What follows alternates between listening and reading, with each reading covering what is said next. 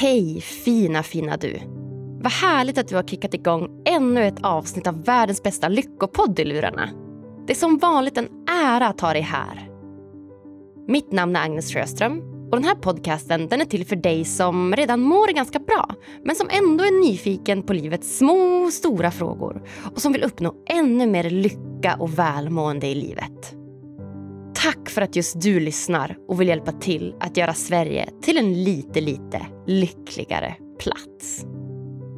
Och herregud mina vänner, nu till veckans avsnitt. Ännu ett sånt där megasårbart avsnitt där jag inte kunde hålla tårarna tillbaka. Herregud alltså. En av Nordens mest ledande livscoacher, Filippa Kärnlund, gästar idag Lyckopodden.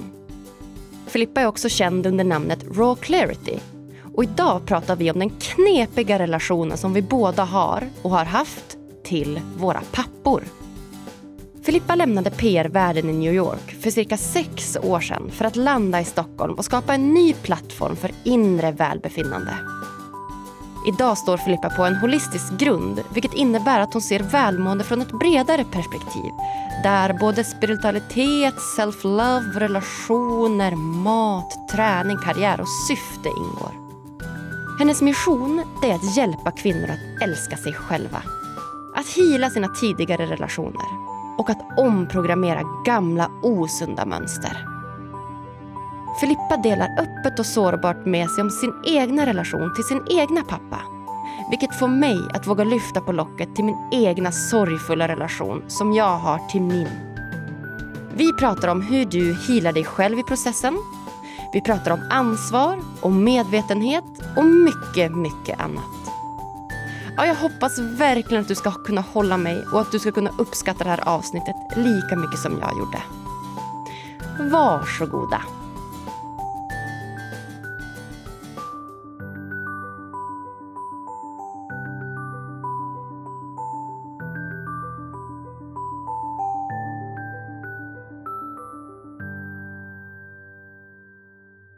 Då säger jag hej och hjärtligt välkommen till Lyckopodden Filippa Kärnlund. Mm, tack så mycket. Varmt välkommen hit Filippa. Tack.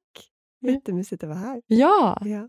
Filippa eller Raw Clarity Ja. som det också kallas. Eller kallas, eller vad är det för namn? Ja, ja, på Instagram blev det Raw Clarity Filippa, men det, var, alltså, det är mitt företagsnamn. Ah, Ja. Och sen så blev jag väl identifierad med det, för jag gjorde juicer kring det och coaching kring det och byggde cirklar kring det för kvinnor, så det blev bara liksom, det hängde med. ja, det ja, hängt med. Ja, det hängde med. Och sen blev min man Raw Clarity Jimmy, Ja, för han joinade mig och, och hoppade på plattformen. vart kommer det ifrån? Raw Clarity, alltså så rå tydlighet? Eller? Ja, rå klarhet, på något Klarhet. sätt. Det var när jag bodde i New York så började jag liksom min inre resa och den började ju genom mat. Och då Mm. började jag äta mycket raw food. Ah, Mycket grönsaker och mycket frukt. ja. Och eh, ju mer jag gjorde det, desto mer klarhet fick jag i mig själv och liksom började lyssna på min kropp mer och min inre röst. Så att eh, då började jag en eh, blogg och då fick den heta Raw Clarity. Sen har ju inte Raw Clarity med mat att göra idag, men det var min dörr in till min självutveckling. Mm, Mm. Okej, så jag Mm. förstår att då kanske den så här, betyder mycket för dig just... Mm, ja, Liksom. ja, alltså den fick hänga med. Och sen Mm. har ju vi liksom så funderat på, jag och Jimmy då, ska vi byta namn och så här, men det är så här, nej, den, det får vara kvar, Raw Clarity. Och jag tycker det är liksom verkligen rå klarhet. Det, det är ju Mm. det vi behöver. Vi behöver ju alla liksom bli medvetna och förstå oss själva och få klarhet i vad som står i vägen och vad vi vill ha. Så att jag tycker det passar ganska bra när jag har fortsatt som, som livscoach. Mm. Ja men verkligen, och just det här med rå. Att Mm. det finns någonting i det som, är, som känns lite kallt, liksom, bara rått.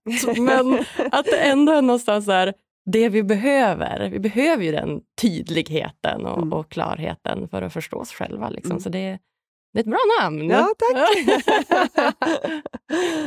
ja, så det får kul. stanna. Det får stanna. Ja. Mm, vi behåller det. Ja, vi behåller vi bestämmer det. Ja.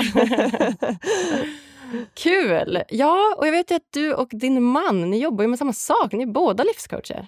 ja, precis. Jag började. Ja, det, var det, var, det var min fråga. Men vem började och hur kom det sig? Eh, nej, men jag började... ehm, Eh, som sagt, min, eh, min matresa. Att jag bodde i New York och eh, flyttade dit när jag var runt 20 och sen vid 25 fick jag bara nog för jag hade alltså, eh, blivit en sån emotional eater, mm. men också ätit för lite vissa perioder och för mycket och var liksom, ja, eh, hade en väldigt komplicerad relation till mat. Och kände bara, nej men det, det här går inte längre. Alltså så här, jag, jag ser liksom tjejer på stan med sina yogamattor sina gröna juicer och jag vill också vara så. Mm. Jag vill också ta hand om mig själv. Så då liksom började jag försöka hitta svaren själv. För att alltså jag sökte med lite olika liksom, författare eller eh, ledare och ja, men, lite olika liksom, teorier hur man ska må bättre. Men, eh, men det var liksom, och det är det jag coachar på idag, det är min egna resa. Så det är oftast väldigt många som är så här, vad, har, vad har du för utbildning, vad har du för liksom så här, ja, Eh, vad har du gått i för skolor? Och jag har utbildningar i coaching, men vad som gör mig till en bra coach, det är min erfarenhet. Mm. Så då hade jag ju börjat den plattformen och den inre resan och sen så träffade jag då Jimmy när jag var 32. Skilde mig och gifte om mig. Och då uh, kom min kusin och mådde dåligt en dag. Och då sa jag till Jimmy så här, kan inte du, jag vet att du kan det här, vi pratar ju samma språk, kan inte du coacha min kusin? Och då, jag bara, du kan låna mitt kontor. Och då gjorde han det. Och sen dess har vi då utvecklat det vi har idag och har ja, väntelistor och fullbokat. Och eh, det är väldigt kul att så många vill jobba med sig själva. Vad kul! Ja. Och kul att få dela det med sin partner. Ja, det är väldigt kul att bolla och liksom förstå det. Det är inte så att vi pratar om våra kunder, för vi har ju en tystnadsplikt, men ja, man kan ändå vara så här, det var så kul idag, hon kom så långt, liksom. bara mm. alltså, alltså få dela det. Ja. Eller de där blev tillsammans igen, eller mm. de valde att inte bli tillsammans igen och det är det bästa för dem. Och, alltså man kan ju dela på det sättet. Mm. Eh, eller så kanske jag kommer på en jättebra teknik, typ testa den här meditationen eller förklara känslor på det här sättet. Mm. Eh, och då, eh, ja men det är fint att ha det mm. tillsammans. Jag, jag, tror som par får man välja. Det är inte alla som vill ha det, liksom, jobba tillsammans, leva tillsammans, men jag och Jimmy gillar den tvåsamheten. Mm. Ja men exakt, och jag kan mm. tänka mig att just det här, men man delar som ett intresse på något sätt eftersom att ni båda jobbar med samma sak och tycker att det är utvecklande och kul och som du säger att man kanske kan pusha varann lite grann också, att så här, men testa det här, testa det här, att man kanske kan utvecklas och bli liksom bättre tillsammans fast på varsitt håll på något sätt. Ja, precis. Mm. Och sen bara när vi gick till förskolan och skulle lämna vår son idag så bollade vi en grej till en bok jag skriver. Liksom. Och då kan man, ja, men, man har ett bollplank. För att coaching är ju också jag är med människor hela tiden. Jag coachar ju kvinnor, men eh, det är inte så att jag har någon kollega bredvid mig. Nej, exakt. Eh, och då är det nice att ha eh, Jimmy där. Ja, mm. det förstår jag. Mm. Vad fint! Ja. Ah, Okej, okay. så raw clarity och mat egentligen så som har fått in dig egentligen på coachingspåret från första början. Ja, precis. Det, ah. Och sen kan man ju alltid eh, dig deeper in ja. i varför man börjar äta. Ja, precis. Eh, men det kanske vi kommer in på idag. Ja, det kanske vi gör. Vi får se. Vi får se. Ja.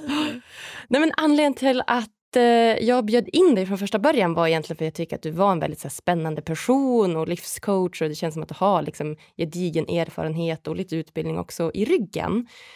Men eh, sen hände någonting när när jag liksom satt och började researcha på dig och liksom söka lite mer, ja, men dig deeper. Att, mm -hmm. men vad, vad ska vi prata om idag? Mm. Och jag har haft en, en intention, eller en önskan eller en, ett uppvaknande eller en förståelse här i höst, eller innan hösten, egentligen i våras, att så, åh, men jag vill prata om relationen till mina föräldrar mm. i den här podden, för det har inte jag gjort någonsin.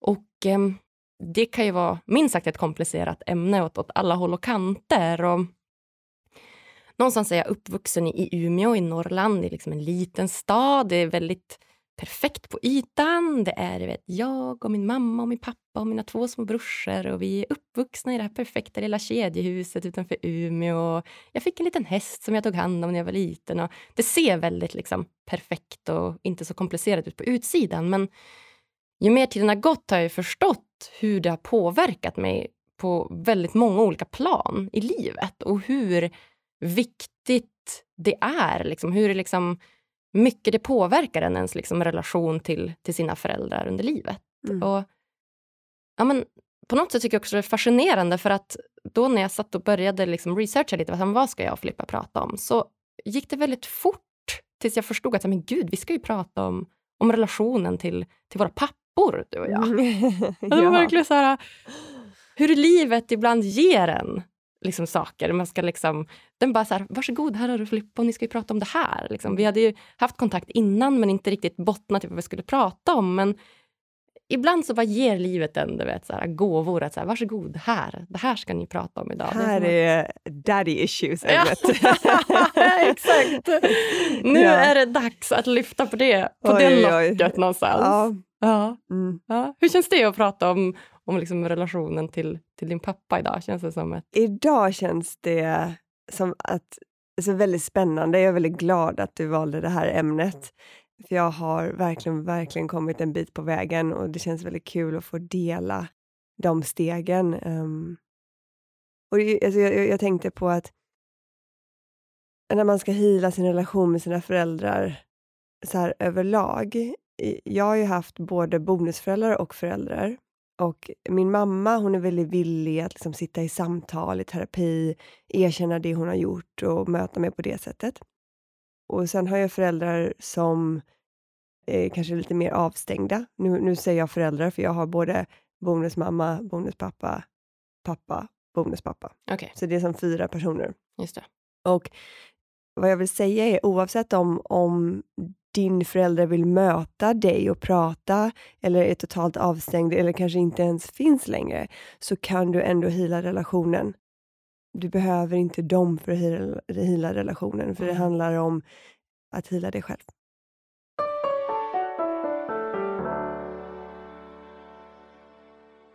Veckans avsnitt är sponsrat av Tell Sverige AB. Hörni, ni som känner mig, ni vet att jag har haft svårt att trivas som anställd på olika arbetsplatser. Det har egentligen inte spelat någon roll vilken anställning det är utan mer att jag inte uppskattat den uråldriga företagskulturen som oftast råder med gamla hierarkiska strukturer som ofta lever sig kvar på arbetsplatsen. Jag har så svårt för företag som inte förstår att faktiskt individen är den absolut viktigaste resursen på en arbetsplats. Och de ska tas om hand och prioriteras. Men vet ni vad? Nu är det löst. Världens bästa IT-företag, Tell Sverige AB, är ett framgångsrikt och expanderande bolag med visionen om att bli Sveriges mest framtida arbetsplats. Alltså, hur coolt är inte det? Vilket mål! Alla ska vilja vara anställd på Tell och alla ska vilja vara kunder hos dem. Och ja, vad innebär nu det då? Jo, alla beslut som Tell tar, de tas med syftet mot att bli Sveriges mest framtida arbetsplats. Alla beslut de tar gör de med sina anställdas hälsa och välmående i första hand. Alla beslut som tas gör de med fokus på att kunna leverera bästa möjliga service till sina kunder. Visste ni till exempel att eh, Tells ledning nu till och med har investerat i fastigheter utomlands bara för att kunna erbjuda personalen möjlighet att åka dit, antingen i jobbsyfte eller till och med privat? Hur nice är inte det? Jag tror, om jag inte minns helt fel, att det är Alperna och Spanien de har investerat fastigheter i hittills. Vilka himla drömställen! Både fjällen, skidåkning, snowboardåkning och sommaren, sol och badet. Och Som kund så kan du till och med ringa en fredagkväll klockan 22 och få bästa möjliga servicen för just dina IT-problem. Ja, det är som att ringa till en god vän och snacka lite skit och samtidigt lösa dina IT-problem. Så himla bra! Ja, om jag någon gång vill bli anställd igen, då kommer jag vända mig raka vägen till Till Sverige AB. Och eh, i avsnitt 235 får du dessutom chansen att lära känna deras delägare och försäljningschef Therese Jakobsson och hennes väg ur psykisk ohälsa och panikångest mot målet att bli Sveriges mest framtida arbetsplats. Och i höst så kommer du dessutom få chansen att lära känna deras jordnära VD Per Gabrielsson och varför just han valde att förändra hela Tells företagskultur för x antal år sedan. Ja, tack bästa Per, Therese och Tell Sverige AB för att ni vill hjälpa till och göra Sverige till en lite lyckligare plats.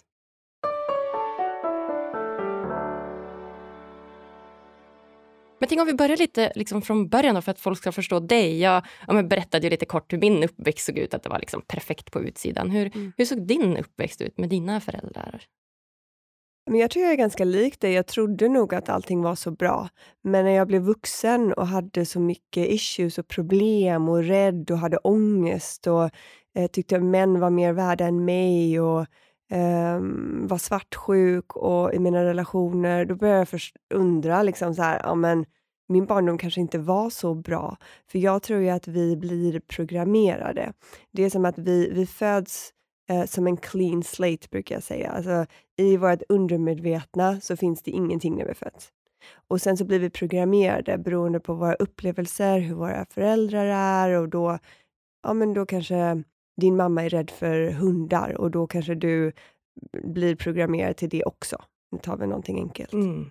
Eller din eh, pappa skriker, så då kanske du blir programmerad till när du blir frustrerad så skriker du. Mm. Så enkla exempel. Mm. Men jag förstod liksom att så här, ah, okej, okay. jag har blivit programmerad till saker som inte stämmer. Jag har blivit programmerad till att jag inte är tillräcklig, mm. att jag inte är värdefull, att jag måste vara perfekt för att visa mitt värde genom betyg och liksom, eh, hitta det där perfekta jobbet. Jag måste vara smal för att visa mitt värde, jag måste bli godkänd. Så det är liksom, de där små fröna som planterades i mitt undermedvetna var det som styrde väldigt mycket av mitt liv mm. och insåg att okej, okay, det var inte så perfekt mm. som jag trodde. Och jag tror att jag gick på att vi hade pengar, vi flyttade till mm. USA, jag fick en bil när jag var 18, jag fick alla mina dyra utbildningar betalda. Jag såg det på det sättet. Kanske mer utifrån det ekonomiska. Just det. Så du eh. fick liksom kärlek genom pengar på något sätt? Till viss del. Till viss del. Ja. ja. Från min, alltså, det hade det bara gott ställt så, så alltså, ja, så då tänkte jag att då är saker och ting bra. Jag har ju två olika papper så man får dela upp det lite. Min bonuspappa som jag växte upp med och min biologiska pappa lämnade mig på den dagen jag var född. Så han, kom, han, han ville inte att, uh, han ville att min mamma skulle ha en abort. Och hon uh, ville inte det. Så um, var du ett misstag då? Liksom? Var det ett misstag att, de, att du blev till eller var de liksom medvetna jag redan där? Jag tror ingenting i livet är ett misstag. Nej. Jag tror att universum har en plan i allt. Mm. Så att jag tror inte jag ser det som ett misstag, men det kanske inte var planerat. Det var inte planerat. Utifrån dem. Men det var ändå så som deras liv skulle bli. Ja. Eh, mina föräldrars och mitt. Just det. Så eh, pappa, eh, min riktiga pappa var med på eh, min födsel och sen så såg jag honom aldrig igen. Och sen när jag var ett år så kom min biologiska pappa in, så då blev det, mm. han spelade rollen som min pappa. Så då, eh, så jag hade ju två på ett sätt. Och jag tror att det var nog det som satte liksom det här med att komma tillbaka till värdet, för att då kände jag ju att ja, men jag var inte värdefull nog för att stanna kvar för. Mm. Ah, Okej, okay. det var så. så att, just det, så att eftersom att din biologiska pappa lämnade dig så kändes det då som att men jag är inte värd att Precis. vara kvar. Mm. För att då tänkte jag som barn, för att om jag var det, eller om jag kan bevisa det. Och då blev jag också rädd för att jag skulle tappa mina andra föräldrar. Ja, såklart. För att jag behövde hela tiden bevisa mitt värde så att ingen skulle lämna mig. Nej, precis. Och sen tog jag ju det in i mina relationer också. Ja, okay. Och vad som, vad som hände är att jag ofta lämnade mina relationer tidigare för att inte bli lämnad. Och sen när jag eh, gifte mig med Jimmy, då var det den relationen som jag inte ville lämna. Mm. Och då fick jag på ett sätt möta allting. Okej. Okay. Förstår du vad jag menar? Ja, alltså, verkligen. Ja, och det var då svartsjukan och olika saker kom upp. Liksom. Mm. Eh, för svartsjuka handlar ju, alltså om, om du verkligen inte känner i din intuition att du har en partner som är, alltså verkligen inte behandlar dig väl, så är ofta svartsjuka handlar ju om dig. Mm, exakt. Om uh. det inte är så att han är liksom supermanipulativ. Ja, precis. Bla, bla, bla. Ja, precis. Ja.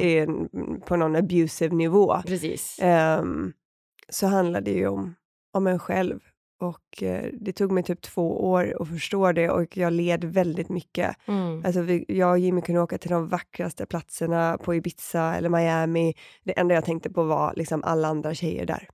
Okej, okej. För att du var rädd att han skulle lämna dig för Mm. någon av dem? Okej. Jag tror jag var ledd, liksom bara känslan att känna mig övergiven. Mm. Ehm, och grejen var, det handlar om att jag övergav mig själv hela tiden. Mm. Vilket jag inte gör idag. Så idag kan jag, jag kan ligga på en nakenstrand och Jimmy kan titta på varenda brud och jag bryr mig inte. Nej. För att jag vet att jag, liksom, jag kan inte bli lämnad om jag inte lämnar mig själv. Men hur har du kommit till den insikten då? Jag menar, från att ligga på Miami där på stranden och vara superrädd för att eh, bli övergiven till att du idag säger, äh, jag bryr mig inte. För att jag drog ett streck mellan mig och Jimmy. Och så sa jag så här, och det här jag säger till alla kunder som är i, liksom, i relationer som behövs jobb, vilket är de flesta, eller nästan alla, på något sätt. Men jag säger alltid så här, alltså clean up your side of the fence, säger jag. Alltså liksom, dra ett streck mellan dig och din partner och så ser du på ditt mörker, eller det du behöver hila, eller det som triggar dig, eller din falska programmering från barndomen som sitter kvar och som påverkar dig idag. Så jag började bara alltså, med ansvar över min del. Och så var jag så här, han får göra vad han vill, det där blir steg två. Mm. Jag är steg ett. Och sen när jag började titta på det, ja, men då började jag ju förstå mer och mer liksom, hur jag hade blivit påverkad och hur, vad jag hade för idéer kring mig själv, vad jag hade för självbild. Och så började jag ändra om den. Och jag började på ett sätt skriva om min egna story. För att jag vill inte vara den tjejen som blev lämnad av sin pappa resten av livet. Jag vill Mm. inte vara ett offer. Mm. Och det bästa sättet för dig att ta, eh, att komma ur offerrollen och liksom take back your power, det är att ta ansvar. Mm. Ansvar är, det är så viktigt. För att det, ingen annan kommer och hjälper dig. Ingen annan kommer liksom att städa upp liksom, ditt inre. Det är ingen som kommer in där. Jag kan inte in i dina tankar, dina känslor, dina upplevelser. Jag kan ge dig verktyg som du kan använda på insidan. Så att, ehm, ja, jag tycker alltid att ansvar för en själv är, är liksom startpunkten och då behöver man ju då bli medveten. Så det är också genom medvetenhet som vi får förståelse. Jaha, det var så det var. Jaha, det var så det var. Och sen så får man förstå att det här är en process som tar tid att läka sig själv. Eh, man vill ju jättegärna gå snabbt. Vi vill ju ha alla quick fixes. Det är därför jag med alla mina program är minst sex månader. För att verkligen göra det här inre, inre jobbet. Har du någon gång, du säger att han lämnade då din biologiska pappa, att han lämnade vid födseln. Har du någon gång haft någon mer kontakt med honom efter det? Ja, eh, sen när jag var 15 så, eh, det var så här, en sommardag, typ kanske juli, augusti, sa mamma till mig att eh, han hade fått en hjärntumör. Och eh, så sa hon att han ska opereras och kanske inte klara det. Så de hade ändå kontakt, din biologiska mamma och biologiska Nej, det pappa? var Nej. att vi var i Göteborg då. Jag, vi flyttade till USA, men just det året var vi hemma i Göteborg och bodde där. Och eh, så då, ja, Göteborg är litet. Någon sa väl det till Mm, henne. Mm. Eh, och då så då bestämde jag mig, då bad jag min faster köra över mig till hans hus och så knackade jag på. Och då träffade jag honom då. Och sen så sa han till mig, ja, eh, vi kan ta en fika. Så tog jag en fika med honom och eh, ja, och sen, sen så gick han bort. Sen gick han bort. Mm. Men jag tror att det coolaste, eller det häftigaste med hela den här upplevelsen jag har haft, det är att tre dagar efter så kom han tillbaka till mig. Mhm. Eft- Efter hans död? Mhm. Berätta mer. Så jag var ju, alltså, det, det var ju väldigt komplicerat, det var dramatiska familjesituationer, det var väldigt mycket för mig att ta in allting.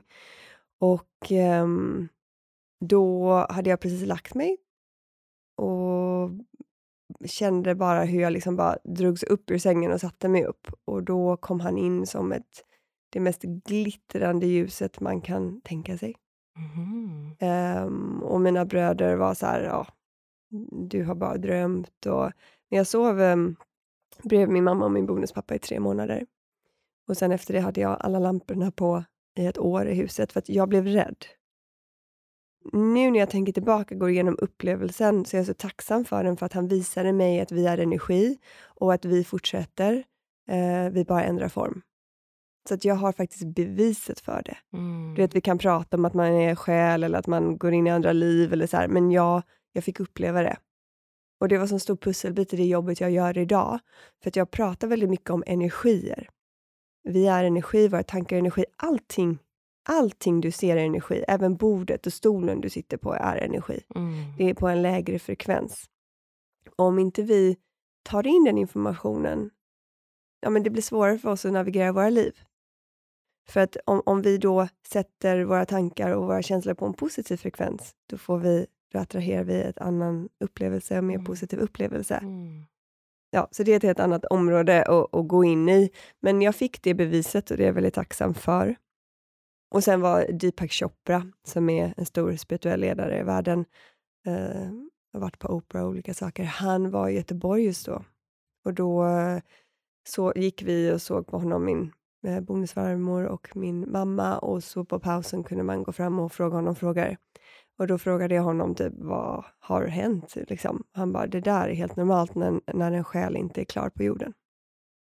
Och då var jag så här, ah, det var hans sätt att säga förlåt. Bra sätt att säga förlåt. Mm.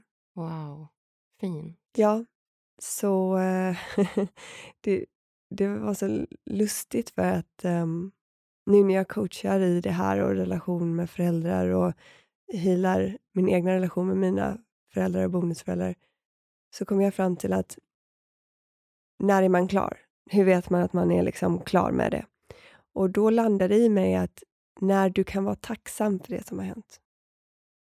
När du kan se möjligheten för utveckling för dig i det, eller gåvan i det, eller lektionen i det och verkligen ta till dig den och uppskatta det. Då har man healat relationen till sina föräldrar. Och det kan ju låta jättegalet, för om jag tar min liksom mamma till exempel, hon var väldigt emotionally um, alltså disconnected. Alltså hon, jag var äldst av fyra, min bonuspappa reste mycket och hon kunde liksom inte vara där för mig. Och, och det har påverkat mig väldigt mycket också på ett annat sätt. Men jag kan ändå uppskatta det för att det blev en kontrast till den personen jag är idag. Då var jag så disconnected, så avstängd. Och om jag inte hade varit det så hade jag inte förstått the connection jag har idag. Det är som att om allting på jorden var vitt så skulle vi inte förstå vad vitt är. Men svart finns för att visa kontrasten. Och alla de här upplevelserna som vi tycker är obehagliga, de finns för att visa kontrasten. De finns för att peka oss tillbaka till den vi är. För för mig är det livet går ut på att du ska vara du. Det är hela poängen av livet. Fint. Det var en bra sån klick för mig också att förstå att när du är tacksam för det som har hänt oavsett hur, hur mörkt den har varit så har du kommit långt då i din healing. Ja. Vad känner du att du är där på din resa? Jag är inte där. Nej. Nej, det är jag inte. Jag har ju precis, eller ganska precis börjat ja, men vilja lyfta på det här locket ens. Och har ju eh, men två komplicerade relationer. Till En till min mamma och en till min pappa. Så mm, jag växte ju upp med också en väldigt emotionellt avstängd pappa. Han um, väldigt medberoende till min mamma. Mm. Har eh, inte, uttrycker inte alls känslor eller tycker ingenting. Har inga, liksom, tycker inget, tänker inget, känner inget. Eller han gör ju uppenbarligen det, men han uttrycker ju inte det Mm. överhuvudtaget. Han har stängt av. Och ehm, jag är också äldst av tre barn. Och de fick barn när de var väldigt sent, mina föräldrar. Mm. Så, och pappa var tillsammans med en annan kvinna innan mamma som inte kunde få barn. Så att när han fick barn så blev det ju, han var så stolt och så glad. Och han satte mig verkligen på en pedestal. Jag kommer ihåg det. När jag, liksom, jag har såna här små liksom, fragment som jag tror mig komma ihåg från när jag var liksom ett till fyra år. Det är väldigt, väldigt tidigt.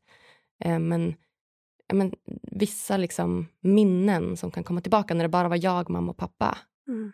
Och hur ja, men vet, vi sprang tillsammans, jag och han, på stranden i Bettnesand där jag var uppvuxen i stugan. Och hur han lät mig vinna, du vet, för att jag blev så glad. Och Mm. hur han hur han visade mig världen på ett sätt som var ja, men, helt fantastiskt. Och jag kände supermycket kärlek från honom. Mm. Och sen så föddes mina brorsor när jag var fyra. Um, de är tvillingar. Mm.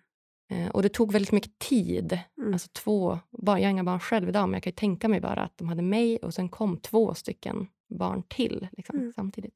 Och jag tror det blir förmodligen så som kontrast så snabbt för dig. Mm. Att vara liksom the only one och Mm. sen helt plötsligt är det två små bebisar och då blir du... Ja, jag, jag tror det kan vara en liten chock för barn ibland. Ja, ja men det var det nog, verkligen. Eh, och jag kommer ihåg ändå när mamma ringde mig och bara så, Agnes, nu har du fått två brorsor. Jag, jag var på dagis, kommer jag ihåg, eller på förskola. Då. Och så kommer jag ihåg att jag sa jag bara, aha okej, okay, ja, men nu ska jag gå på läsvilan. Så att jag hade liksom, inte, jag kopplade liksom inte då, så här, vad betyder det? Mm. Men sen liksom, ju mer tiden gick så, så tog de väldigt mycket tid och som, så det var nytt för mig. Att så här, shit, jag är inte den enda längre, utan nu ska jag dela på tiden med mina föräldrar, med de här två, mina två brorsor. Då. Och under tiden vi växte upp så var jag fortfarande alltid liksom pappas flicka. Hon hade alltid ett väldigt gott öga för mig och vi var alltid väldigt nära varandra. Men i det så tog ju också liksom brorsorna väldigt mycket tid och pappa blev liksom sakta men säkert gick ner i liksom en depression. Från ja, väldigt tidig ålder, kommer jag ihåg, jag kanske var men vad kan jag ha varit då? Kanske 6, 7, 8 någonting, någonting Mm. där. Mm. Så började han liksom stänga av mer och mer och gick ner liksom sakta men säkert i den här depressionen och sa inte så mycket, visade inte så mycket, stängde av liksom rent allmänt. Och i det så, så blev jag också väldigt uppskattad. Jag fick mycket saker, alltså materiella ting. Inte, vi har inte, inte haft det jättegott ekonomiskt ställt, men jag har alltid fått allt jag velat rent ekonomiskt. Jag fick en häst, vilket kostade väldigt mycket pengar och mycket skjuts överallt. Och, och det någonstans blev kärlek för mig, för det, det var ofta pappa som, som var med mig i stallet och gillade och liksom vi tävlade mycket tillsammans. Han skjutsade mig på tävlingar. Det var som våran grej Mm. på något sätt. Eh, samtidigt som man sakta gick med, ner i den här liksom depressionen. Och eh, ja, det är väl det som har format mig väldigt mycket. Att, att dels att det har gått från att jag har en väldigt stark, starka minnen från när jag var liten, från hur han var liksom kärleksfull och fin till hur han sakta blev mer och mer och mer avstängd. Så hur tror du det påverkar din lilla tjej? Ja, jättemycket. Alltså jättemycket. Åh, nu blir jag typ ledsen också. Shit, jag, Släpp ut det ja. Det är ju här du gör healingen. De känslorna du känner är hennes. Det är så starkt. Alltså det, det, det är verkligen så starkt när jag börjar liksom ta på de här olika delarna. Mm. Jag förstår det. För att de känslorna du höll inne då, som du inte fick bearbeta eller support för, de sitter kvar. De sätter sig i vår fascia, de sitter i vår kropp. Och när jag tänkte på dig när du sa liksom, "Ja, men förlåtelse, där kanske inte jag är. Det första steget är att känna. Är att tillåta det där lilla barnet i dig och bara få känna sorgen. Och hon känner så mycket. Alltså, och det är Ja. inte första gången, utan det, det kommer verkligen. Um,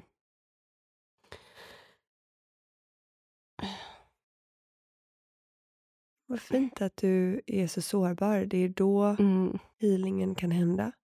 Och det är väl ingen slump att du och jag sitter här idag och pratar om det här ämnet. Du vill heala det här. ja, men verkligen. Det kom liksom bara till mig. Alltså, jag vet att jag velat ta på det här länge, men det var verkligen dags att det skulle ske idag. Och du gör precis det du ska göra som första steg.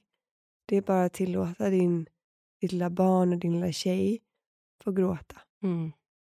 För att när vi går runt och är kanske ilska eller irritation eller frustration, då har vi inte nått botten. Botten är sorgen, botten är smärtan Mm. av hur det känns att kanske åka till ridningen i bilen när din pappa är helt avstängd. Mm. Hur den känslan är där och sen så kommer man till ridningen och så, ja jag är ute och rider men liksom, vad händer med alla de känslorna? Känslorna är designade att passera. De ska komma upp, de ska ge ett, eh, en vägledning till dig och sen ska de, de ska säga det här är det här är liksom sant för dig eller det här är inte sant. Nu är du du eller nu är du inte du eller det här känns bra eller det här känns inte bra. Men som barn, det är ju enorma känslor Mm. som du har känt. Det är det. Och det är liksom en del i det, men det, det värsta är egentligen hur det är idag. För det här var ju när jag var yngre och jag förstod ju liksom inte det då, utan jag trodde att jag fick så mycket kärlek via skjuts och hämtning och hästen och tävlingar. Men så skildes mina föräldrar när pappa eh, liksom verkligen nådde botten i sin depression. Och hur gammal var du då? Då var jag kanske 12. Mm. Och jag blev glad, för att min mamma är ju en- kapitel i sig. Liksom. Jag, då kunde jag lämna henne. Mm. Då kunde det bara vara jag och pappa. Och det hade jag längtat efter. Så jag flyttade med pappa. Jag och han bodde tillsammans. Mina brorsor bodde varannan vecka. Ehm, och ehm, han var ju som, som värst under den här perioden, liksom rent depressionsmässigt. Men jag tyckte att det var som lättnad ändå, för att mamma, där var det liksom högt och lågt. Jag visste inte vart jag hade henne. Pappa visste alltid vart jag hade. Även Mm. fast han var liksom... Även om det var lågt? Exakt, Ja, så var han bara samma. Eh, och på något sätt så var det här jättesvårt för min mamma och hon tyckte att pappa tog honom ifrån mig. Men det var egentligen jag som valde att jag ville vara med pappa. Mm. Eh, men nu är de tillsammans igen, mina föräldrar. De har valt att gå tillbaka till varandra. Och det är jättefint för de har varandra och de är äldre idag och pappa är väl liksom 70 plus och mamma Mm. är 60 plus. Så jag tycker att det är fint att de har varandra och får ha varandra. Men idag så hindrar ju mamma pappa från att ha en relation med mig. Mm. Och det är jag så ledsen för. Hur då? Om du vill berätta. Genom att mamma tyckte ju att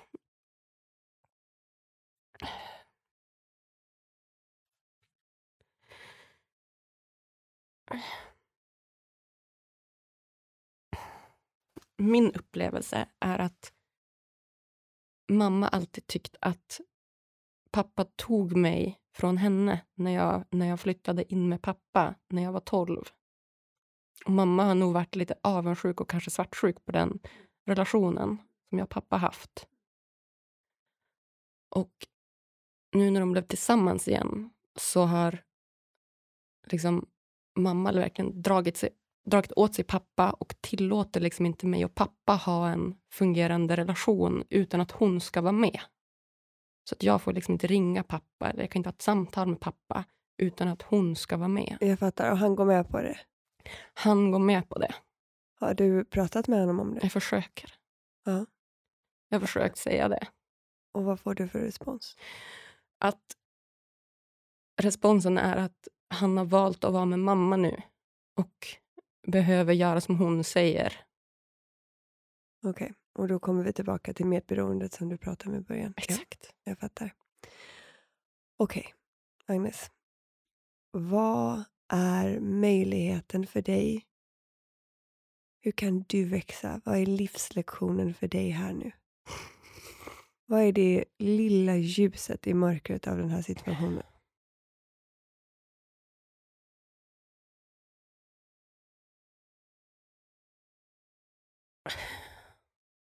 Det lilla ljuset i mörkret. Alltså det jag har gjort är väl att jag har tagit en distans från dem båda. För att jag känner att jag mår bättre utan dem just nu. Vad är ljuset? Um... Livet gör ju, eller ger dig saker bara för att du ska få den här kontrasten till vem du är. Så att du ska ju förstå vem du är. Så man börjar därifrån. Liksom. Meningen med livet, du ska vara den du är. Och i den här situationen så tappar du dig själv. För att de blir källan. De styr ditt liv. Du tappar din egna power. Förstår du vad jag menar? mm, Så jag tänker att en grej är att du ska släppa förväntningarna på dem. Och jag, jag tror så här, se, så vi har ingen aning vad som händer imorgon eller om en månad eller sådär. Men i familjestrukturer, när en person flyttar på sig, när en person börjar bli medveten, då kommer alla behöva flytta på sig. Och you're the one, liksom. Du är den som ska flytta på strukturen som inte funkar. För din mamma måste stå i sitt din pappa måste stå i sitt och det kanske de aldrig gör. Men du kan välja att möta ditt. Så att det första jag hade gjort för att vi, eller jag skulle eh, rekommendera att du går in i en vuxen-vuxen relation, inte en vuxen-barnrelation. För jag tror att du är kvar i en vuxen-barnrelation. Så för att komma upp till vuxen-vuxen, equal, balanserad, då måste vi släppa förväntningarna. Och det är ju lättare sagt än gjort. Ja. Men först får vi se vad förväntningarna är. Mm. Jag förväntar mig att han ska umgås så här mycket med mig. Jag förväntar mig att han ska lyssna på mig och inte på mamma. Jag förväntar mig att han inte ska vara medberoende. Jag förväntar mig att mamma ska säga förlåt för allting hon har gjort. Jag förväntar mig, förväntar mig, förväntar mig. Grejen är så här att när du bygger upp din lycka på de sakerna, att det ska hända och det inte händer. Men hur kommer du någonsin vara fri och lycklig och känna frid inombords då? För du går ju och väntar på någonting som förmodligen inte kommer hända. Och om det händer, då är det en bonus. Och de förväntningarna jag har då börjar jag direkt fundera på vad har jag för förväntningar. Och jag har haft så mycket förväntningar på att min mamma ska förstå. Jag har haft så mycket förväntningar på att det någon gång ska kunna vara den relationen som jag och pappa, som jag, alltså som jag någonstans känner att jag och pappa hade från början, när jag var yngre. Och liksom, det jag haft liksom, i olika perioder av, av livet. Det jag känner nu är väl bara mycket sorg mm. över det. Och det är precis där du ska vara. För att du får känna sorg över det. Mm. Det, så, det går emot det som livet är byggt på. Livet är byggt på kärlek. Så att det är precis där du ska vara. Om du, bara, du, om du skulle lägga tre månader på att gråta varje dag. Jag skulle vilja det. Alltså, men det är, det är ju ingenting jag går och tänker på varje dag det här för att jag har verkligen tagit avstånd från dem för att och jag, jag tycker verkligen att jag lever ett lyckligt liv. Alltså jag, överlag, jag är jättenöjd med där jag är idag. Liksom rent liksom hur nöjd jag är med livet och även känslomässigt lyckad. Alltså jag känner jättemycket toppar, alltså verkligen överlag. Men det här är ju också någonting som, som, ja, som har hänt väldigt nyss. Alltså det här med att liksom tappa med mamma? Ja, ja exakt. De är tillsammans igen. Mamma och pappa, hela den grejen. Um, men nu nyss, bara i somras så, så, uh, så hände en grej. Jag har liksom, han och mina brorsor har årligen har de en fiskeresa inplanerad som de åker på tillsammans till fjällen varje sommar. Och för två somrar sedan så, så, så, frågade jag så här, gud vad kul, kan inte jag få följa med på den här resan nästa gång? Um, för då blir det jag och mina brorsor och pappa. Vilka jag allt som jag, och jag älskar dem jättemycket och vill ha en relation med dem. Um, men så när, när sommar, nästa sommar väl kom så fick jag inte följa med. Och då kunde det vara anledningar som att vi ryms inte i båten allihopa eller i stugan eller du vet. Mm. Att de skyller på saker som av någon anledning som gör att jag inte fick få följa med. Och det är också jättemycket lilla Agnes. Mm. Som... Utanför rejection. Jag Exakt. Förstår. Det är så nytt allting. Liksom. Ja. Mm. Och jag, därför tycker jag att du är i den fasen där du ska bara känna det. Men sen vill jag att du ska ha med ett väldigt viktigt verktyg in i det här. Och det är att du har ett val. Du har ett val att fortsätta vara offer till deras omedvetenhet. Eller så har du ett val att ta det där ansvaret som jag pratar om och take back your power. För att grejen med livet är att livet har och situationer i livet har den meningen vi ger det. Så idag har du en svart klänning på. Jag kanske tycker den är jättefin och du kanske tycker den är jätteful eller tvärtom. Och vem har rätt? Och vem har fel? Rätt och fel existerar inte. Bara sanningen existerar. Och sanningen är att den klänningen är... Liksom jag, du kanske kommer tillbaka om tio år och gillar den, eller jag kommer tillbaka om tio år och inte gillar den. Vad jag försöker säga är att den är neutral. Och du ger saker och ting mening. Så när dina syskon och din pappa ska åka båt och de, inte, och de säger nej till det, att inte du får följa med, då ger du det en mening. Och i och med att du ger det en mening av rejection och utanförskap, då kommer du må dåligt. Då får du negativa känslor. Men du skulle också kunna säga, ja ja, det, livet vill guida mig till någonting bättre och jag ser fram emot vad det är. Och då kommer du helt plötsligt känna positiva känslor och kanske så förhoppning om vad är det som ska komma. Förstår du vad jag menar? Jag förstår. Så att det som har hänt i ditt förflutna, det har du liksom gett en mening och det ska du liksom få bearbeta känslomässigt. Men sen kan du gå tillbaka och ge det en annan mening som jag sa med det här med tacksamhet. Och då liksom kan jag titta tillbaka på min barndom och vara så här, ah, alltså, ja, jag förstår. Från ett spirituellt perspektiv, från ett inre utvecklingsperspektiv. Ja, och om jag tar på mig liksom den delen av mig själv. För att för mig, jag, det är verkligen två delar. Det är liksom den starka emotionella delen som verkligen tar sig uttryck nu som är väldigt mycket liksom lilla Agnes som känner de här sakerna, som har väldigt mycket sorg. Så kan jag lika gärna ta på mig den här logiska delen av att så här, jag fattar, jag ser att min pappa är supermedberoende till min mamma. Jag mm. ser hur osund relation de har. Jag ser att det absolut inte är något jag vill ha. Jag ser hur pappa liksom rejectar mig på det här sättet. Jag skulle aldrig vilja göra det mot ett barn. Jag lär mig att jag kommer aldrig göra så mot mina eventuella kanske-barn. Ja, så där har du en jättefin lektion. Du lär dig hur du vill vara som förälder. Mm. Ja. Så att när det är dags för dig mm. så kommer de få en helt annan medveten mamma. Och grejen är så här, din pappa rejectar inte dig. Han rejectar sig själv. För att ingenting han gör har egentligen med det att göra. Han utgår från de programmerade rädslorna och sorgen han har inombords. Ja, och jag tycker typ synd om honom också. Alltså, det, den är så mycket i det här. Alltså, Men mm. tycker aldrig synd om någon, Agnes. För att alla har ett val. Alla har ett val att bli han medveten. Han tror inte att han har det. Alltså, han tror verkligen inte att han har det. Nej, men det är inte sant. Det är som när jag stod framför spegeln och sa att jag var jättetjock när jag var jättesmal. Alltså vi går in i illusioner. Men dörren att lämna situationen, att lämna offerrollen, att lämna det här att man inte kan göra någonting åt det, den står öppen hela tiden. För alla. Och det är väl en av de förväntningarna jag har, eller önskningarna jag har, är väl bara att innan han går bort, att han kan förstå det här.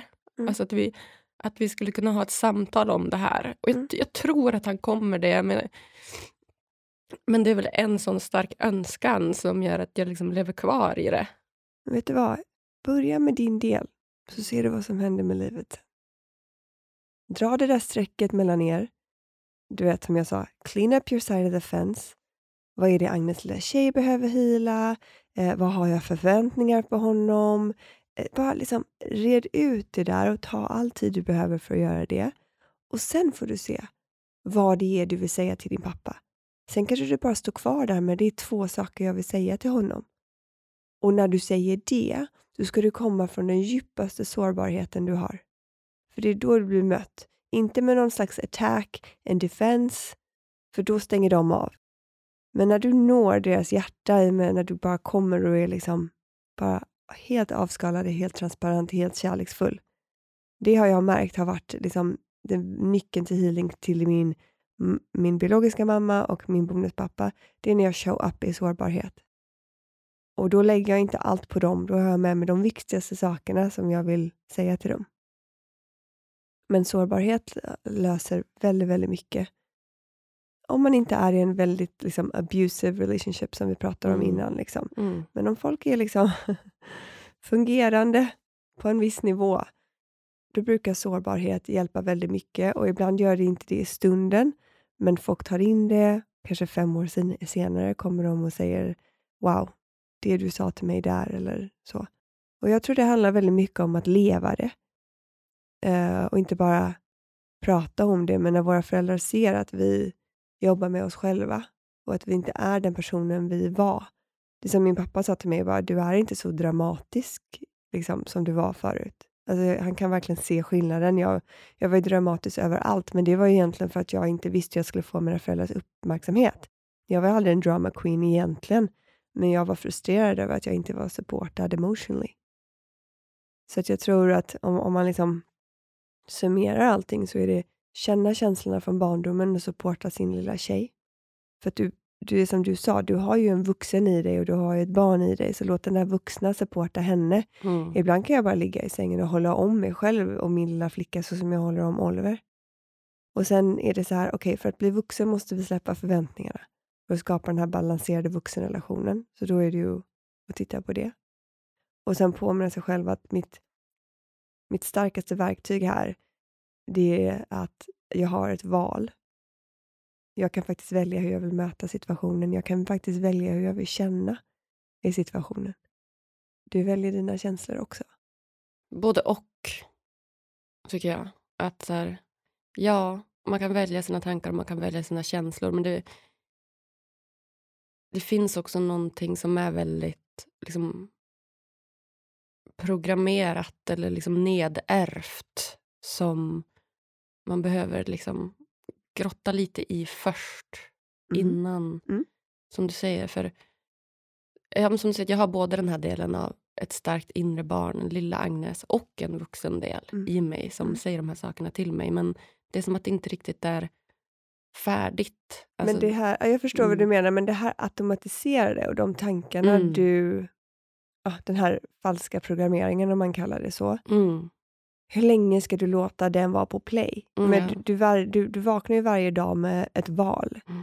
Av att så här, ska jag trycka på det här automatiserade, automatiserade tankar, automatiserade känslor och bara livet ska liksom rulla på så? Eller ska jag in i så många situationer som möjligt och ändra min frekvens till positivitet? De säger ju att Einstein valde att vara tacksam hundra gånger om dagen. Och jag förstår varför han gör det, för att han går in på en, en positiv frekvens. Jag tror att, så här, som du säger, att, du- ja, men det här med tillbaka till sorgen, att det, det är verkligen där jag är nu. Och det, alltså, det tas väldigt mycket i uttryck ja, men i samtal eller med andra människor. Jag når inte den så lätt när jag är själv. För ibland gör jag det. Men ofta så är jag där och tar hand om mig själv då. Och försöker liksom vara den vuxna Agnes. Men, men upplever ofta att det finns, den lilla finns kvar och skulle Ja. behöva få mer plats. Du kan också tänka att den här vuxna är den medvetna. Medvetna. För att när man är medveten, då förstår man och utgår från en förståelse. Förstår du vad jag menar? För då kan du titta på situationen med din pappa så kan du säga, okej, den medvetna versionen av mig kan ju se att det här och här har hänt i hans barndom. Han är medberoende, han är rädd, han kan inte bättre. Mm. Medan den omedvetna som inte ser det tänker ju bara, ah, vilken jäkla skitstövel. Verkligen. Förstår du vad jag Mm, menar? Mm. Så det handlar om att vi som mänsklighet och på en individuell nivå behöver bli mer medvetna. För då agerar vi utifrån förståelse, utifrån sanning och hur det är. För att när vi är barn så, så tror vi att saker och ting är vårt fel och vi, vi liksom har en annan bild av hur det egentligen är. Jag menar, det har aldrig handlat om dig när din mamma har varit på ett speciellt sätt och din pappa har varit på ett speciellt sätt. Det har bara handlat om dem. Mm. Och när man får den insikten, ja, men då blir man ju mer fri. Och jag har den ibland. Mm. Och ibland inte. Mm. För, och, och ofta så, så ser jag det. Alltså jag ser ju hans uppväxt och hans föräldrar och han är uppväxt liksom i väldigt så här, militäriska förhållanden och, och liknande. Jag, jag, jag ser vart allt kan komma ifrån ibland. Mm. Och ibland inte. Nej. Men ju mer du lägger tid på det, det är som allt, det är som du ska träna för olympiaden, du kommer liksom gå till gymmet varje dag och, och göra det du behöver göra. Det är samma sak här, om du ska hila så behöver du lägga tid på det. Meditera, skriva, känna, reflektera. Och ehm, jag brukar kalla liksom, om, om healing är målet, att komma tillbaka till sig själv och liksom landa i allting, då brukar jag säga att det liksom finns en main road, alltså den, den där stora vägen som tar dig snabbast dit och lättast dit. Och sen utifrån den stora vägen så finns det massa små vägar. Och jag säger till alla jag jobbar med, du kommer garanterat köra av. 100% kommer du åka av. Men det handlar inte om, att, om, om du ska åka av eller inte. Det är inte det som är grejen. Det handlar om hur snabbt du kommer tillbaka till den stora vägen. Så när du åker av i din lilla tjej, liksom alltså när du, när du gör det till offer och den, liksom, det valet, då är det så här, okej, okay, vad kan jag ta ansvar nu? Ja, men jag kan ju ta ansvar för att jag ska tillåta henne att känna. Och det är ju väldigt positivt. Det tar ju mig närmare eh, målet. Än att jag ska sitta här och vara arg på mamma och pappa. Så kan jag vara där för min lilla tjej. Förstår du vad jag menar? Så att man hittar sätt att komma tillbaka och det är det man ska mäta. För att man har de här två versionerna av sig själv. Den falska versionen, den sanna versionen, barnet, vuxet, medvetet, omedvetet. Kalla det vad du vill. Vissa av mina kunder ger dem till och med olika namn. Liksom Britta och Bengt. Så att eh, det handlar ju om att bli så medveten så att man ser att ah, nu, är inte jag, nu är inte jag här. Och så komma tillbaka så snabbt som möjligt. Så, så en enkel grej. Förra veckan blev jag irriterad på att Jimmy hade tagit min dataladdare, men han hade inte tagit min dataladdare, för jag hade glömt den på kontoret. Och så blev jag stressad och så var jag så här, ah, vad är min dataladdare? Ah, så, så, så hittade jag den i hans väska, men det var ju hans. Mm. så, och då satt han och coachade, då höll jag upp den, jag bara, se, här var den. Uh. Och så gick jag därifrån. Och sen var jag så här, oh my god, så här, där var jag ju totalt omedvetet, offer, ja, la mina negativitet på andra. Så då bara så här, sprang jag tillbaka, jag bara, förlåt, den här är din. Och han bara, ah, det var en riktig bitch där. Jag bara, ja, förlåt. I own it. Så det handlar också om att äga det, för då kommer du tillbaka snabbare. För att min, min programmering finns där och den får ju mindre och min, min falska programmering och den får ju mindre och mindre plats. Men det är inte så att den inte show up. Men jag tar ansvar för den då och är så här, wow, det, det där är min. Så fort jag märker att jag har kört av vägen, det där är mitt. Kom nu Filippa, nu går vi tillbaka till kärlek. Nu går vi tillbaka till den du faktiskt är. Och det är det som är livet, det är det som är hela processen. Vi säger det igen, meningen med livet är att du ska vara den du är. Och då måste du ju se och bli medveten om den du inte är. Och det är det du gör nu, så det är ju så vackert. Du är den finaste processen. Tack vare dina föräldrar kan du göra mm. den här mm. resan. Tack vare dina föräldrar kan du få den här kontrasten. Ja, jag längtar tills jag kommer dit att jag faktiskt genuint känner det också. Och jag gör det ibland, som sagt. Ring mig då så kör vi en, eh, ett samtal till. ja, verkligen. Det får vi göra. Wow. Ja, shit, tack snälla Filippa för att du kom och höll mig i det här. Det, ja, jag förstod nog inte att det skulle bli riktigt så emotional men eh, det känns, det känns fint för att det blev precis som det skulle. tänker jag. Ja, men du var redo för det här. Ja. Innerst inne vet du att du, du ville ha det här. Ja, gud ja. Alltså, jag ska boka ett möte nästa vecka. Jag ska keep doing this. Uh, ja, så känn och skriv ner dina förväntningar. Och Det är inte så att du behöver släppa alla, men när, när du skriver ner dem, då blir du mer medveten om när de show up. Mm. Så om din pappa skulle ringa eller inte ringa, eller det är din födelsedag och de hör inte av sig, då är det så här, okej, okay, nu har jag förväntningar. Mm. Så mina största förväntningar på min mamma var att, jag ska bli god, att hon ska godkänna mig. Så att när jag märker att jag liksom så här, har köpt en ny klänning eller ska göra en ny resa eller gjort ett beslut för min son och jag bara söker hennes bekräftelse och hennes godkännande, då är jag så här, ah, okej. Okay. Vilket jag gör mindre och mindre Min mamma undrar varför jag inte ringer henne för Oliver, liksom, för hon bara, jag ringde alltid min mamma med hundra frågor, men jag känner mig väldigt trygg i mig själv eh, och behöver inte göra det. Eh, och det är väl det liksom medvetenhet gör, att du hittar svaren inombords och du blir källan för det du söker. Mm, mm. Ja, självständigheten, det är något jag kan tacka dem för. Ja, ja bra! Nu behöver vi se massa av fina saker. Ja, kolla här, du är som värsta liksom, entreprenören och businesswoman ja. och driver den här podden och gör det du vill. Och Ja, det kanske du gör på grund av att du hade den upplevelsen som barn. Mm. Så att, försök att se ljuset i mörkret.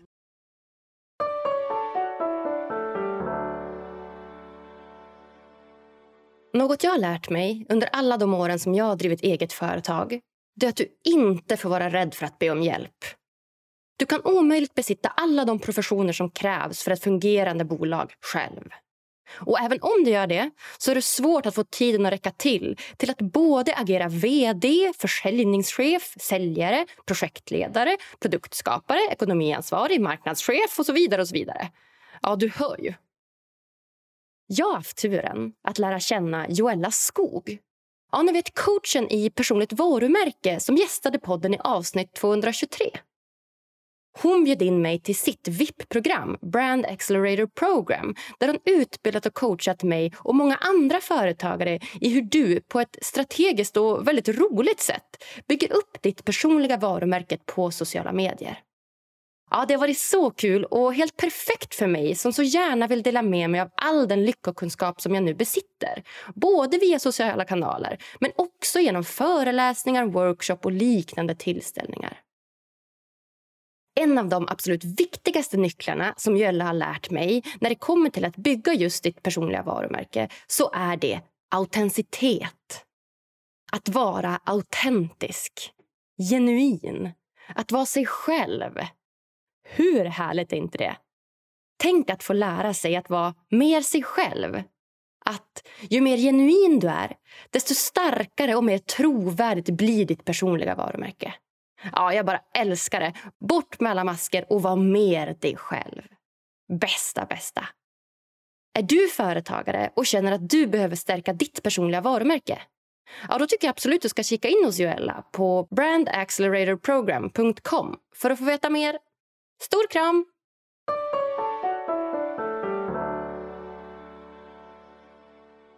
Jag tänker att vi ska avsluta här med de tre sista frågorna innan okay. vi lämnar varandra. tillbaka till podd Agnes här. Yes. Och um, den första frågan är ju då, vad gör dig riktigt lycklig? När jag gör sanna beslut och lyssnar på mig själv. Det kan vara i all enkelhet att i söndags så var jag så här, nej, jag vill gå till gymmet innan vi startar den här dagen och det blir fokus på familjen. Så det är så här, när jag gör sanna val um, och det jag vill så mår jag bra. Skulle du säga att du baserar dem då på någon slags intuition eller energi eller liksom känsla? Eller var, var kommer de ifrån? Var, hur vet du att det är ett sant val? För att det är ett kärleksfullt val. Det kommer utifrån kärlek. Så det är klart att det kan vara intuition också, instinkt. Det mm. har vi ju i oss. Men det får mig att känna mig bra.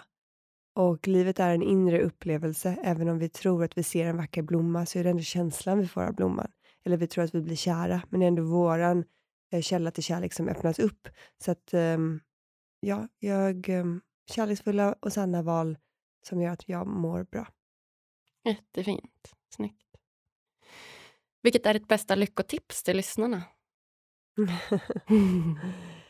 um, Jag tror att bli medveten om vad som blockerar ens lycka.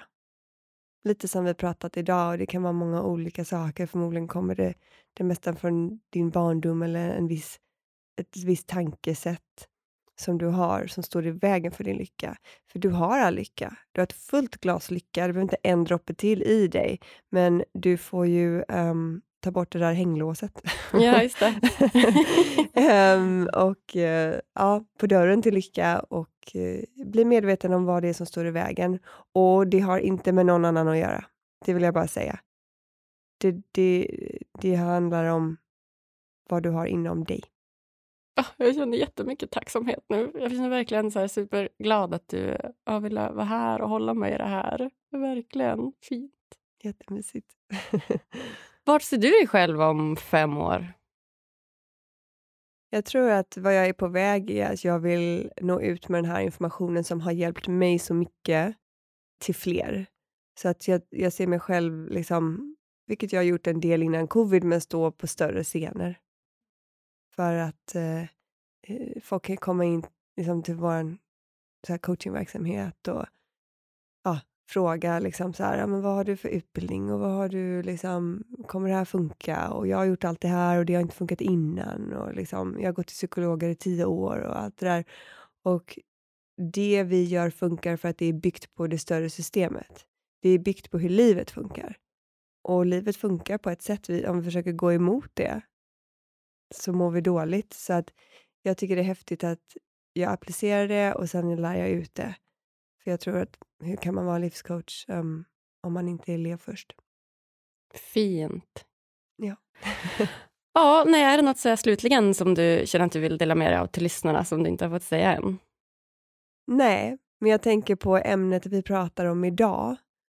Så liksom, vi kan gå ut i situationer med folk vi inte känner och, vara, och spela en roll.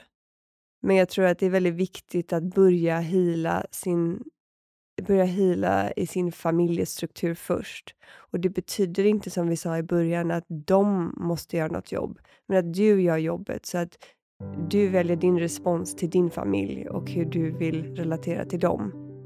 Att man börjar kring dem som är närmst och sen jobbar sig utåt. Mm. För att om vi alla skulle göra det, då skulle den här världen se väldigt annorlunda ut idag. Mm, verkligen. Helt klart. Ja, tusen, tusen tack för att du kom hit Filippa. Jag säger bara varmt välkommen tillbaka till Lyckopodden! Tack, vi ses, vi ses någon gång igen tror jag. Det hoppas jag. Åh oh, herregud hörni. Ännu ett avsnitt där jag rörs till tårar. Det är både uttömmande och helt fantastiskt skönt på en och samma gång. Verkligen ett steg i rätt riktning i min egna healingprocess. Och jag hoppas verkligen att det ska kunna inspirera dig också att våga göra detsamma. Det är så viktigt för mig att lyfta på locket och berätta att relationen till ens föräldrar inte alltid behöver vara så sund som den faktiskt ser ut på utsidan och att du inte är ensam i den processen. Bästa, bästa ni. Uppskattade du också det här avsnittet? Då hade jag blivit mega glad om du ville gå in på Podcaster-appen i din iPhone eller Android-telefon och ge oss så många stjärnor som du tycker det här avsnittet förtjänar. Lämna jättegärna lite kommentar också om du vill det. Och vill du veta mer om mig och få ännu mer lyckotips och inspiration då tycker jag att du dels ska följa vår Instagram där vi heter Lyckopodden och eh, också lägga till mig i ditt nätverk på LinkedIn. Agnes Sjöström heter jag där. Då lovar jag dig att du inte kommer missa något som helst lyckotips. Vi hörs på tisdag igen. Lyckopuss till dig!